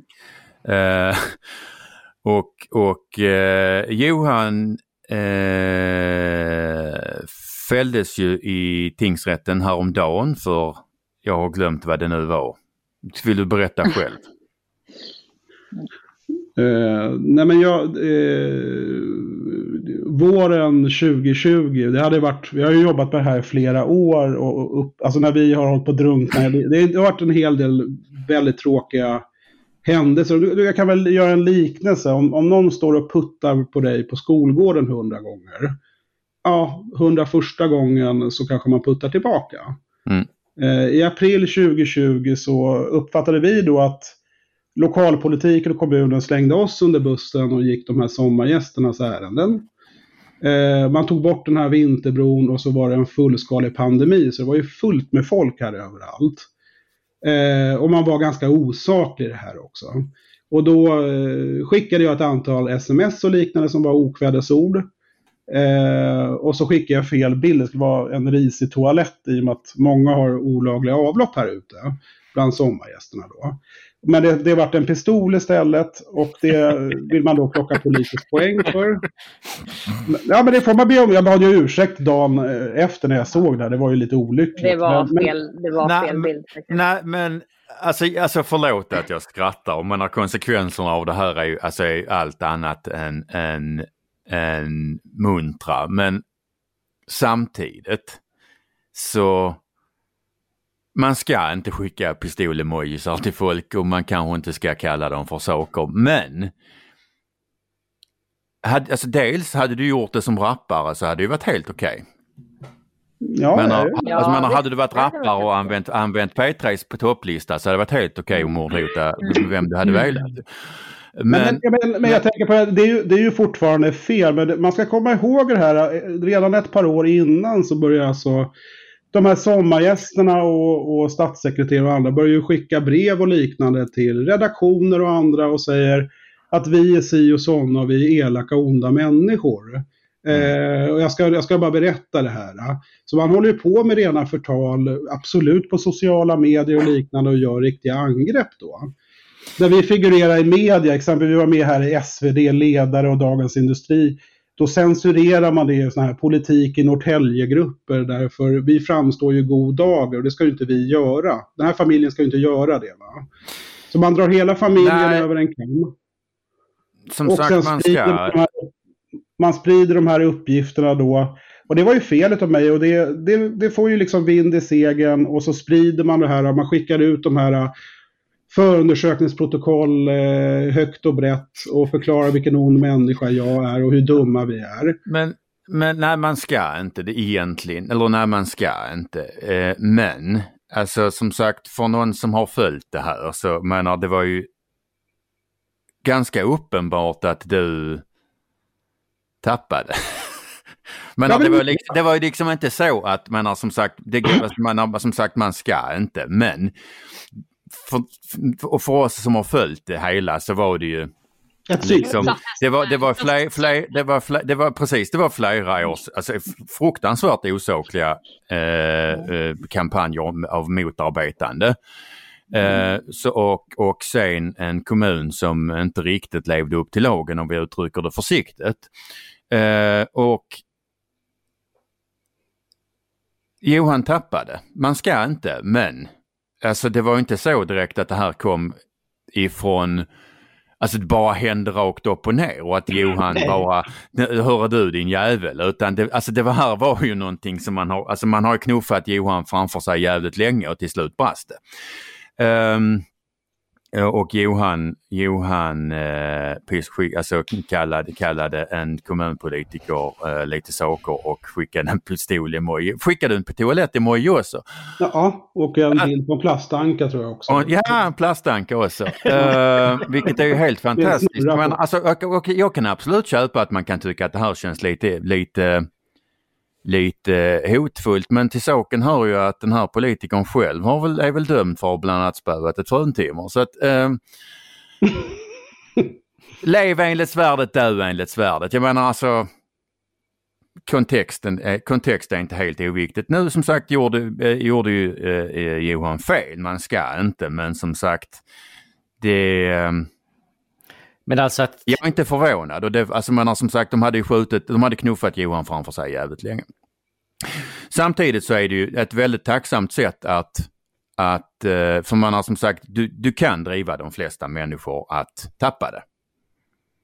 Mm. Det är, det är inte så jävla, men som sagt, och, men tittar vi på andra människor eh, så brukar, alltså framförallt när det gäller kravaller och uppeldade bilar och lite sånt så brukar man alltid resonera om att de här människorna har varit missnöjda så pass länge så att de tappade och sen började de elda upp sin grannes bilar. Och då är det helt okej. Okay. Eh, och det är samma mekanism här som, som i övrigt annars. Eh, Johan tappade, så jävla enkelt är det. Han gjorde fel, så jävla enkelt är det. Däremot så innebär det inte det här att man, man strippar Johan för, för sina rättigheter. Alltså han ska, han ska, for, menar, han ska, han ska ta konsekvenserna av att han skickar en pistol-emoji till en misshandelsdömd politiker. Det ska han definitivt göra. Men han ska fortfarande ha sina rättigheter precis som alla andra. Men alltså han ska mm. få lov att söka bygglov, han ska få lov att förvalta sin mark. Mm. Men genom att he helt enkelt knuffa eh, Johan framför sig lite efter lite efter lite och till slut få honom till att tappa det. Um, så har man ju liksom fått det, fått det till att handla om att Johan är dum och elak och, och vad, allt vad det nu handlar om. Och inte, jag menar, man tar bort man tar bort sökarljuset från sina egna eh, eh mm. eh, rättsvidriga övertramp och sen handlar det om att man nekar familjen Pensar deras rättigheter och får det istället att handla om Johans och hans jävla pistol-emoji. Mm. Mm. Men nå någonstans så gör ju det här faktiskt Johan bara mänsklig. Det är klart. Mm. Jo men alltså, vi, alltså, alltså problem, alltså, menar, det, det här är, alltså, vi kan ta det här bortom Johan och jag har pratat om det här förr, men alltså mm. när vi får, alltså alla har en gräns när de tappar det. Mm. Och vi, alla har en gräns när de, de, de har, hyser uppfattningen att de inte längre har någonting att förlora. Mm. Mm. Och menar, det, det, funkar väl så länge det är mindre bemedlade människor som gör det. Men vi har ju, alltså vi har ju en samhällsutveckling där vi ser till exempel Leif Östling som alltså har varit i de absolut innersta finrummen och mm. är väl medveten om vad socialt kapital och förtroende betyder. Och mm. vad det har för värde. Han ställer upp i Sveb-TV. Mm. Mm. Vi har Karl Hedin som, som mm. om man ska vara helt ärlig, jag är, alltså, jag, menar, jag är väl tämligen övertygad om han ganska snart också kommer tappa det, för han är också oerhört ansträngd. Um, det ligger liksom i sakens natur att man tappar det, mm. för man blir hela tiden driven dit. Karl Hedin, även han, alltså respekterad människa som, som har varit i finrummet, även han börjar liksom hysa uppfattningen att han har inte längre någonting att förlora. Han har varit med både Sveb-TV och Alternativa Bokmässan. Mm. Mm. Jag menar snubben har 100 miljoner i krigskassa. Mm. Alltså och ja, samtidigt... Men precis. Jag, jag tycker också att eh, om, om man... Man blir ju ganska härdad i, i allt det här. För att jag menar, efter, efter hela den här händelsen så har ju vi, och framförallt Johan, fortsatt att driva debatten, att sticka ut hakan, att inte tystas, att fortfarande liksom kämpa för den här saken. Mm. Uh, och det är ju jättemycket liksom efter den här, och det provocerar ju någonting otroligt. För att om man liksom är en motståndare till det som vi vill eh, och tycker att det här är fel, då vill man ju ingenting he hellre än att Johan till exempel ska kliva in i en sån här fälla. Och när han, har, när han har gjort det, när han har tappat det, då vill man liksom att det ska vara över nu. Ja men vad bra, då, då fick vi dit honom, nu tryckte vi till honom, nu backar de tillbaka. Och sen gör man inte det, utan det som händer då är att liksom man går ut och till och med pratar om det här på eget bevåg i riksmedia. Eh, då börjar man provocera eh, människor med mer makt. Så, att, så att det finns ju liksom flera dimensioner av det här. Och jag skulle säga att vi puttas ju på hela tiden nu också. Men vi har ju blivit väldigt mycket mer härdade och duktiga på att hantera det. Och det är inte lika lätt att liksom provocera oss längre. Men, nej, jag, det är ju jag... tråk, tråkigt att det ska behöva vara så. Men, eh, men eh, det, det, är inte som att liksom, det ska ju inte få fungera. Alltså de här, eh, den här typen av avledning och metodik, tycker jag. Det tycker varför, jag är starkt varför, av Johan att inte backa tillbaka faktiskt. Varför granskar man inte de som har makten i det här? Varför håller man på och drar ut, ska hänga ut oss på byn och liknande. Och sen tar man det här vidare till nivåer man har Alltså vi, vi märkte ju att den här rättegången hade vi ju nämndemän. Eh, den här rättegången var ju flyttad för att man var jävig som kommunalråd och chef då för Norrtälje tingsrätt. Men nämndemännen är ju nästgårds och är djupt och starkt kritiska öppet mot den här utvecklingen vi vill driva. Så det blir lite tråkigt om man inte har en rättvis rättegång heller. Utan eh, det känns som att det är riggat och man vill klämma åt den. Och genom det eh. tysta och terrorisera, terrorisera en. Mm. Uh, jag vill prata två ord mer om den här rättegången. För att uh, som sagt, du fälldes ju i tingsrätten. Uh, och vad vi vet så är ju två, alltså två nämndemännen, en, en, ja det var väl, eller ja, en, två domarna, dels äh, lekmannadomaren och dels proffsdomaren. En mm. nämndeman och domaren. Uh, vi kan ta det. Uh, uh, de, nu är jag ju inte världsmästare på juridik men jag är så pass duktig så att jag skulle nog vilja hävda att de, när den här prövningen dök upp, skulle ha meddelat hinder för att de har ju bland annat i sociala medier och så vidare uttryckt ett så pass stark kritik mot Johan redan innan prövningen att de inte skulle varit, alltså de, var, de är inte förmögna att göra en, en, en saklig prövning. För de var redan färgade. Mm. Så är det. Mm. Uh, inte för att låta Johan leka dålig förlorare men som sagt alltså, alltså rättsstatens principer ska värnas och det gjorde man inte här heller. Vår, vår, vår, advokat sa att det här behöver man nog ta om och sen kommer vi överklaga. Vi håller inte med. Jag menar, det, i, i andra fallet så är det någon som har tagit de här förundersökningsuppgifterna som är, man sprider då i de här politikgrupperna för att smutskasta oss, alltså grovt förtal. Och sen ljuger man ihop en story eh, utifrån det. Och sen ska man smutskasta och det handlar egentligen om att man är superförbannad för att man inte får köra fyrhjuling med byggmaterial på åkrar i skog och där man vill. Så man är jätteupprörd över den biten. Eh, och när man blir tillsagd om det, ja då, då har man några polare så hittar man på en historia. Och där ord står mot ord, ja, vad tror ni de här nämndemännen kommer fram till då? Jo, men att eh, allt det vi säger, allt, alla filmer och bilder vi visar upp och liknande, det har ingen betydelse. Vi saknar all trovärdighet. Så vi känner oss ju ganska rättslösa i det här. Ja. Men, eh, alltså, alltså, jag, jag, förstår att du, du, eller jag förstår att du känner dig rättslös. Bara, alltså som sagt, jag, det har varit många turer och, och alltså jag är lite är lite osäker här, men var det inte så att du filmade ett pågående angrepp på dig, lämnar in filmen och varpå du, de, alltså rättsväsendet får, alltså får den här dokumentationen av ett pågående angrepp på dig som att du olovligen hade filmat din angripare? Ja. Förlåt. Det, men det, alltså, det är ju fantastiskt.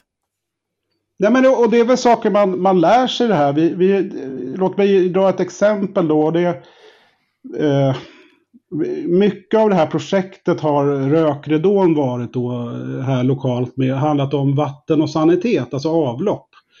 Och det är ju något som alltså har, är ett problem här och, och liknande sedan 2008 är det känt att det läcker ut i hav och i kust och i grundvatten. Och alla de här människorna som skickar in de här gamla testamentet med överklagande på förhandsbesked och bygglov klagar ju alltid på grundvatten och sanitet hela tiden. Och det tyckte ju lokalpolitikerna om sån här paragraf 6 med länsstyr, kommunalt VA och liknande. Man har hållit på att mecka med det ganska mycket. Mm. Och där surnar jag till också. Då, då anmälde jag 21 fastigheter som jag vet har rör rakt ut i mark, eh, inklusive en statssekreterare. Alltså man har olagliga avlopp som aldrig skulle få godkänt idag. Och så ser det ju ut på många fritidshus som har risiga avlopp och liknande. Och man har skaffat diskmaskin och tvättmaskin och dusch, men man har inte uppgraderat det här avloppet då. Mm. Alltså om man då är orolig över övergödning i skärgården eller ligga och bada sitt eget bajs faktiskt Eh, och det blir man ju också superupprörd över. Men det lustiga är hur kommer det att kommunen skriver av allt det? Men så fort det kommer en anmälan om att ah, här, här, här, eh, här är det ett vasstrå som är brutet, då kommer de här tillsynsmännen på direkten. Så det, det känns lite rättsosäkert hela den här biten. Och eh, jag tycker det här är trist. Det är en trist utveckling och eh, så här ska inte folk, även om man bor på vischan och är en hemsk människa som har djur och lantbruk, eh, att, att det finns mycket åsikter verkar det som om det. Man har ändå rätt att vi ska vara lika inför lagen och man ska kunna göra det här rättssäkert. Och vår uppfattning är att det är inte så idag. Det är en jättetråkig utveckling. Det, det, är väl någonstans här tror jag som lyssnarna kommer förstå att det här handlar inte om en känsla. Det här handlar om att så här är det på riktigt. Mm. Ja, så här är det för fler, tror vi. Eller helt har vi liksom förstått. För att vi har ju också valt att göra den här frågan och, och framförallt Johan kanske har varit ganska aktiv i debatten nationellt. Mm. Uh, och vi har ju fått uh, jättemycket bra feedback, uh, starkt nätverk och uh, det är väl också en, en av anledningarna till varför vi inte känner oss så trängda. Liksom. För att vi, vi är ju inte liksom fast i lilla filterbubblan Löparö mm. eller ens Norrtälje längre. Mm. Utan har ju medvetet valt att kliva ifrån det och göra det här till någonting större. Och där märker ju vi att många delar vår erfarenhet. Men så är det. Och, och sen ska jag tillägga att i städerna, även, även om det kanske är annorlunda hos vissa makthavare och som har fått politisk makt, men alltså det finns en positiv syn bland barnfamiljer, människor som vill testa på att leva på landet, eh, bygga ett eget hus. Eh, det är många som vill ta del av den biten och den friheten. Och alltså även i städerna uppfattar vi en positiv tongång bland väldigt många. Så jag, jag, tror att det här, eh, vi har väl landat i, nu alla lägen geografiskt i Sverige är ju annorlunda, men vi har väl landat i att vi tror att lösningen på det här är, är att få inflyttning bland stadsbor, kanske yngre generationer som kan få bo och verka på vischan och ta del av lokalsamhället, vara med och hjälpa till och bidra. Så kanske den här normen och attityden kan komma att förändras. Vi, vi tror att det ligger en lösning i den biten. Eh, det, det, att det kan föra något gott med sig också. Men vi tycker att det är väldigt tråkigt att de som kliver fram och vill göra saker eller ta strid, att, att, att man pepprar på så himla mycket mot de som faktiskt vill göra en förändring. Och jag vill bara belysa, vi är alltså inte vi, vi företräder inget politiskt parti, vi är inte anställda i offentlig sektor. Vi får ju betala priset, det vill säga hela det här projektet som kanske är värt ja, kanske 150-200 miljoner kronor, kanske är upp till en miljard i samhällsvärde eh, som vi tror kan bidra med mycket gott. Eh, och att alla faktiskt kommer bli himla nöjda när det här är klart. Att peppra på så himla mycket och förstöra, eh, liksom att tvinga oss att flytta härifrån, förstöra hela det projektet, förstöra att vi inte ens kan gå på egen mark eller få ha får på, i, en egen hage på vår egen mark. Mm. Eh, det är något som har gått kapitalt snett då. Eh, som vi vill belysa är en politisk fråga och det är inte så kul att bli slängd under den här berömda bussen. Nej, och som sagt det handlar inte bara om, alltså vad ska jag säga, de här eh, kampanjerna mot er, de startade långt innan ni flaggade för att ni ville göra någonting eh, med ön, utan det, det räckte med att ni ville hävda er egen rätt till er egen mark. Ja, men det, det börjar ju med, men när, när folk inte fick använda er mark som någon sorts jävla allmänt ägd lekstuga, mm så börjar det ju. Det handlar ju liksom, jag menar det, det är ju liksom absolut att folk har svårt med, för, för, för, eh, eller folk kan ha svårt med eh, förändring. Men det börjar ju långt mycket tidigare. Det börjar ju redan när de inte hade, eh, eller rättare sagt när ni ville mm. ha förvalta er, er, egen mark och att de inte skulle få använda något som inte var deras helt fritt och efter eget gottfinnande. Nej, mm. precis. Mm. Och sen har det här som sagt tagit sig eh, det började enormt märkliga.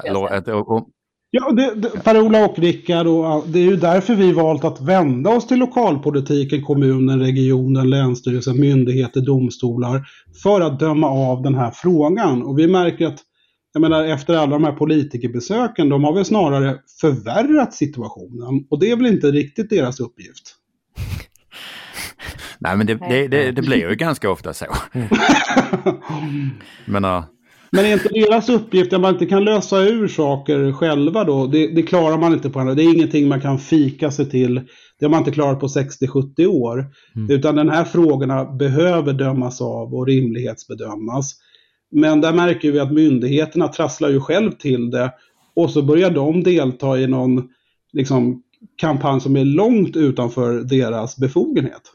Det är dessutom ganska svårt att, som, alltså när man har, väl har börjat som myndighet äh, in, äh, köra fulspel så är det ganska svårt att byta sida. Du menar, för då visar, menar, byter du sida och man börjar, börjar gå med på att döma av så äh, visar det sig ju att man har själv varit delaktig. Ja, och det sitter vi ganska långt in och säga jag hade fel. Ja, jag du, ber om du, du, man är i praktiken tvingad till att fortsätta ju. Ja, mm. och det är väl det vi, vi upplever nu då, att det eskalerar i styrka. Och eh, jag kunde ju inte faktiskt eh, i min vildaste fantasi att man skulle inleda sin kriminala, kriminella bana. Nu får vi väl se vad, vad det där landar till slut. Men för att man eh, käkar en bondgård och flyttar till vischan eh, så blir man liksom kriminell på kuppen. Jag kan trösta, jag kan trösta dig med att för, alltså bland många som har bondgård så har det ju gått inflation mm. i att vara delgiven misstanke om brott. Det finns ju ingen som bryr Alltså menar, förr var det ju, alltså kunde man i alla fall uppfatta någon form av tendens till att, till att eh, det var lite eh, socialt inte helt accepterat att ha problem med menar, diverse myndigheter. Eh, ingen rök utan eld och så mm. vidare och så vidare. Nu gäspar sig ju folk igenom det. Det, fin menar, det finns ju ingen mm. som bryr sig om någon skulle vara delgiven misstanke för brott. Eh, oavsett om det handlar om att man skulle ha kört spillolja till återvinning eller om man skulle ha lackat ur på någon jävla politiker. Liksom. Ingen mm. bryr sig längre. Regeln undantag. Det, det, finns ju en anledning till varför Ebba går bra på landsbygden. Ja, just det. Ja, ja. ja. Mm. Men alltså nå, nå, någonstans i alltihopa det här, det finns ju sådana här grundläggande saker som är rätt mänskliga och sådana som vi tar för givet. Jag, jag tänker ja. på till exempel så här, begrepp demokrati, frihet, samhällskontrakt, rättsstat, äganderätt. De har fått sig en rejäl törn va? Mm. Som sagt, eh, Johan var ju lite naiv när han flyttade ut på landet och trodde på alla mm. de värdeorden. Mm. Nej men vadå, ja, vi kan väl konstatera att det är rättsosäkert. Mm. Det är inte demokratiskt, det är, det är inte det här konceptet med demokrati, mitt och ditt och vårt, det vill säga äganderätten, är ju helt satt ur spel. Folk som bor i städerna har mycket makt och rätt kontakter, de får göra vad de vill. Medans eh, om du är en lantbrukare som blir utsatt för det här, du har ju inte en chans mot det här. Nej. Eh, och de, det här är inte rimligt i, i, vår bedömning. Och det är inte heller rimligt att man ska behöva bli uthängd eller behöva lägga så mycket tid och energi på de här frågorna. Kan, kan, tänk om man skulle kunna lägga den tiden och energin på att utveckla sitt lantbruk eller sin gård och få göra bra saker. Som de flesta tror jag som bor på vischan och driver lantbruk vill göra. Mm. Men istället blir man utsatt för de här övergreppen som jag kan konstatera att det är. Och jag blir faktiskt lite upprörd när det sitter statssekreterare på jobbet eller lokala makthavare i riksdagen och sitter och gör det här på jobbet. Det känns inte helt rimligt. Vi har ju sett lite saker um... i lokaltidningar och när journalister går maktens ärende och börjar granska de som vill göra saker eller framföra kritik, för det finns kritik i det här. Och det finns befogad kritik. Det kan vi nog sluta oss till att det gör och, och för mig som har tittat eller följt det här lite så när det gäller eh, Johans eh, påståenden om, om odemokratisk äganderätt satt ur, ur, satt ur spel och, och eh, inte rättssäkert så tillstår mm. jag alla hans invändningar där för att han har rent objektivt sett rätt. Definitivt. Mm. mm. Vi träffade, eller jag träffade Ulf Kristersson här. Han, han sa ju att företagande var viktigt och det var viktigt att vara bostadsbrist i Stockholm. Och så förklarar jag att det där kan ju jag lösa. Vi kan ju göra det här. Vi kan ju bidra med vår lilla mikrodroppe här med några bostäder i skärgården som skulle ha jättestor skillnad. Alltså i en avfolkningsbygd så är det en stor skillnad. Mm. Mm. Men gäller inte de sakerna så fort man kommer utanför tätorten?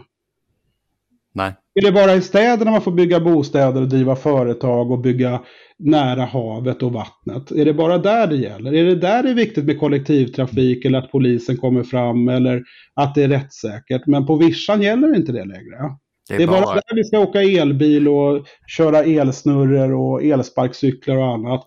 Men på vischan då, då ska vi vara lite, så lite efterblivna och gå runt och vingla runt och var vi som inte lyckades komma härifrån då. Medan vi säger att vi väljer, vi har ju investerat tid, pengar, vår egen mark i det här. Varför kan inte vi få göra det här? Och det är ju vi som tar den risken. Vi har ju dessutom erbjudit att betala för vägfärja, VA, bro eller vad det är för någonting för att göra gott i samhället. Vill inte Sverige ha utveckling längre? Alltså någonstans, hur, hur, hur mycket har all den här skiten kostat er om man bara pratar i pengar? Jag tror vi är uppe kanske 3-4 miljoner kronor eh, och en hel del blod, svett och tårar. Mm. Och vi står ju här då med byggstopp och byggförbud och eh, dessutom då att man försöker framhäva att vi är kriminella människor också.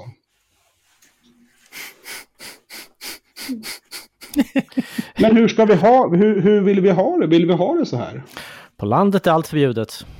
Ja, precis. Allt är förbjudet och eh, det är bara i stan man har saker som demokrati, äganderätt och rättssäkerhet. Ja, men det är väl bra att man är tydlig då från politiken och myndigheter och säger det. Så vet ja, vi alla vad som ja, ja, ja, men, ja, men det är ja, absolut, det är väl fullt rimligt då att om man vill ha den här politiken eftersom som ganska många vill, uppenbarligen vill ha, att man förklarar och så förklarar att, att eh, Johan och Anna Pensar är mindre värda än andra. Mm. Ja, men då får man väl vara tydlig med det då. Då, då, ja. då, ja. då vet vi åtminstone spelreglerna. Precis. Och då, som sagt, då vet, då vet alla om det och, och eh, eh, man behöver liksom, alltså de här människorna behöver ju inte eh, smyga.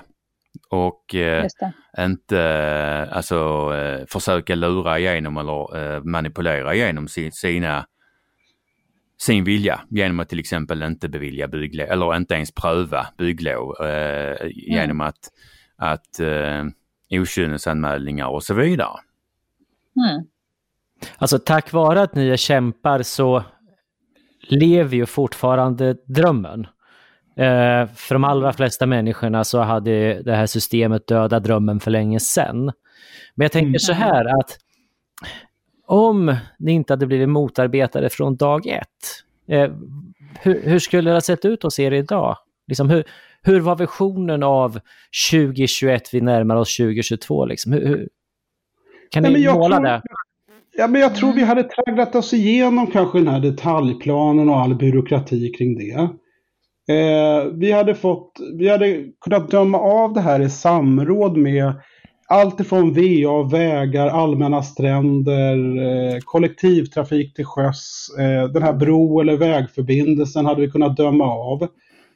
Man, vi har liksom kommit igenom det och kanske börjat bygga de första husen och några liksom, glada barnfamiljer som vill satsa här eh, hade, hade verkligen eh, sett fram emot det. Och sen tror jag många av de här som gnäller och skriker högst, eh, precis som det var med den här vinterbron.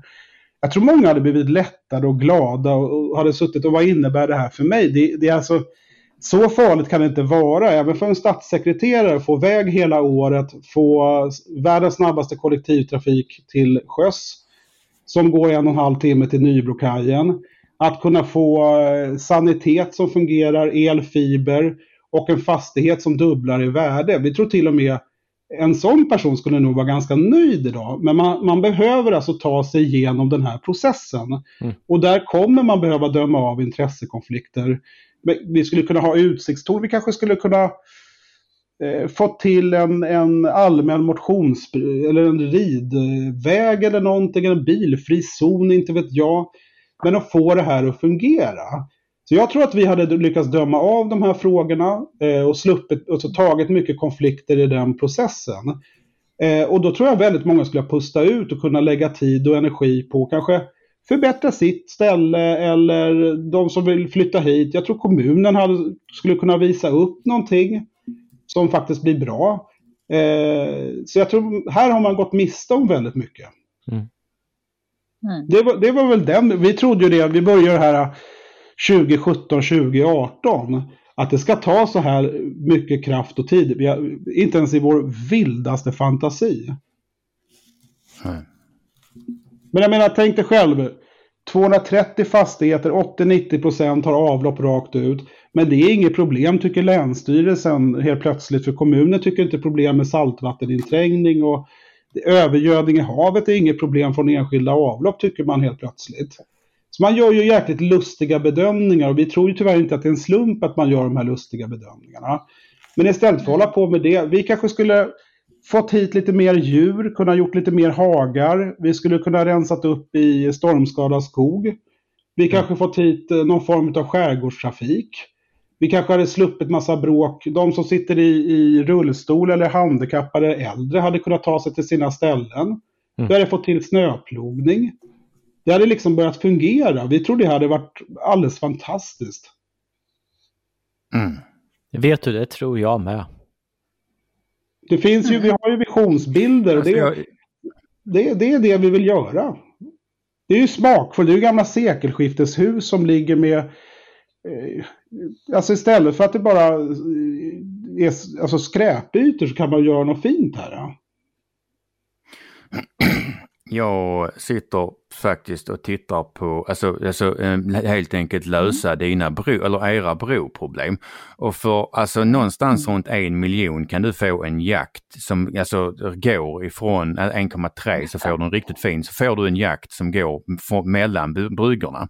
Så att alltså jag, kan- jag har löst era broproblem helt lagligt för 1,3 miljoner för det är bara att köpa en jakt. Eh, bra. och- Kan man vill- ta, en drink på vägen ut? Ja, precis. Exakt så. Alltså den, alltså den, är, Vi, ha- vi, den, är hade, jätte, alltså den ser jättefin ut. vi hade Per-Ola, eller jag la ut de första aprilskämt här i samband när Guldbron boxerades från Kina hit. Så la jag ut ett första aprilskämt om att vi köpt eh, en Finlandsfärja för att lägga över det här korta sundet. Och det var så glädjande för man kunde åka bilen under men man kunde också promenera över. Och så kunde man ju sitta där på, på toppen och kanske lyssna på Evert Taube eller något annat. Och även om det störde alla fritidshus så var det ju ganska glädjande att de ändå kunde gå dit och dricka en drink. Så det tyckte ju många var ganska roligt. Mm. Mm. Jag tycker det- fortfarande det är ganska kul.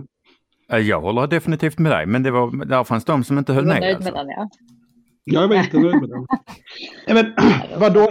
Man, man, hela Stockholm och Sverige, men det är klart att man kan bygga broar eller ordna vägfärger. Så, och det sitter ju alla de här skärgårdsbor och landsbygdsbor och säger i, i alla de här remisserna att det är det som är viktigt med infrastruktur och tillgänglighet. Men gäller inte det oss, då är det bara vissa som ska få ta del av det där. Ja? Det blir jäkligt märkligt. Ta vägen till Furusund, de sju sköna broarnas väg. Jag menar, hur skulle Lidingö se ut idag om man fimpade bron över? Eller varför inte Stora Essingen eller... Jag menar, det är ju inget konstigt med grundläggande infrastruktur. Så farligt kan ju inte det vara. Eh, och speciellt inte idag när man faktiskt har möjlighet med elektrifierade fordon och kan slippa åka liksom, risiga fritidsbåtar hela tiden. Alltså om man- ska ta den här med hållbarhet och miljö då, om man tycker det är viktigt. Mm. Mm. Och det här är ju människor som kan betala för sig, så det handlar liksom inte om, om det, utan det handlar om att man vill, man vill bevara, man vill ha museum, det ska alltid vara som det alltid varit. Tråkigt. Men så om vi ska sammanfatta, ska jag säga turerna eh, hos er. Så ni flyttade helt enkelt ut, började eh, försöka hävda er rätt till er mark, vilket ni fick, fick kritik för när människor inte längre fick använda er mark som någon form av lekstuga. Ni ville utveckla er gård och ni ville få fler, ge fler möjligheten att ehm, uppleva samma miljö som ni älskar och tycker om och eh, fick kritik för det.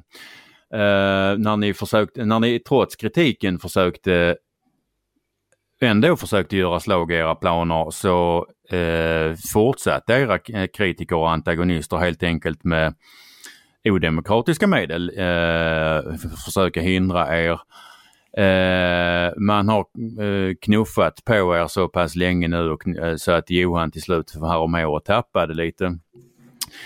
Och eh, soppan bara har fortsatt tro, och, och eh, man har det trots att, att, att eh, ni har mött ett ganska så hårt motstånd så har ju fortfarande, där man, mycket av den kritik man har framfört har man försökt handla om er. Eh, ni har ju trots allt eller trots detta fortsatt eh, er kamp för att få hävda er rätt och få, få att ni ska få samma demokratiska mm. rättigheter som alla andra har och att ni och er kamp för att få eh, utveckla och förvalta er egendom. Mm. Um, jag är lite nyfiken, alltså eftersom det ändå är några människor som lyssnar på det här. Alltså tror du att, alltså, och det, eftersom det är ett litet problem nu att folk uppenbarligen eh, tror att de har rätt till er mark, eh, trots att det är er mark. Hade, alltså, det borde väl ändå finnas några lyssnare som kan donera någon folk, folkilsken bagge och någon eh, körfäktningstjur. För sig då, menar då, som, som bara det hade ju varit sjukt kul. Jag menar dessutom, mm. menar, ambulansen kommer ju ändå inte fram på grund av bristande infrastruktur. Så menar, alltså, det här blir ett självspelande piano. Våran bagge är jättesnäll.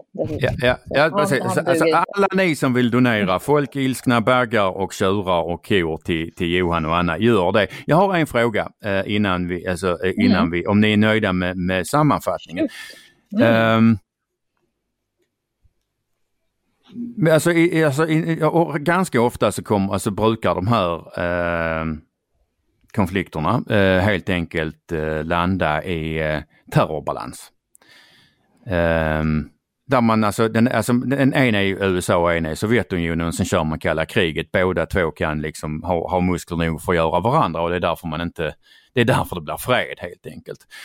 Um, och vi har ju alltså, vi har en, en, en, en sida som har varit ganska så frikostig med övertramp eh, mot familjen Pensar. Jag är lite nyfiken. Har ni dokumenterat alla deras eh, över, övertramp och övergrepp? Och i så, för i så fall, alltså ni har ni ju enormt mycket skit på dem. Ja, vi har alltså en mm. full Dropbox med fullt med video, bilder, eh, dokument och liknande och vi är, eh, ja, får... vi är tyvärr får vi säga i, i ja, vi, kommer alltså lämna in ett antal olika polisanmälningar tyvärr eh, under nästa vecka. Eh, och det är bara en liten del utav ett axplock den, det materialet som vi sitter på.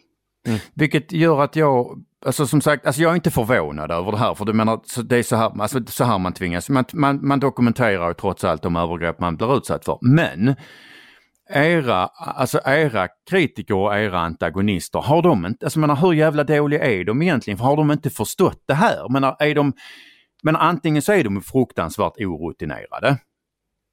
Eller så är de ju helt jävla fartblinda. För man en normal människa passar sig. Så ända fram tills att de tappar det, som typ Johan gjorde. Men alltså mm. antingen, de här måste ju vara enormt orutinerade. Eller så är de så fartblinda eller förblindade av sin eget, vad ska vi säga, hat mot, mot familjen Penser att de inte, att de inte mm. värderar risken att de själva ska trilla dit. Nej, men jag tror att det är en blandning av det du säger. Jag tror att man är fartblind och sen är man inne i en ankdamm och en filterbubbla.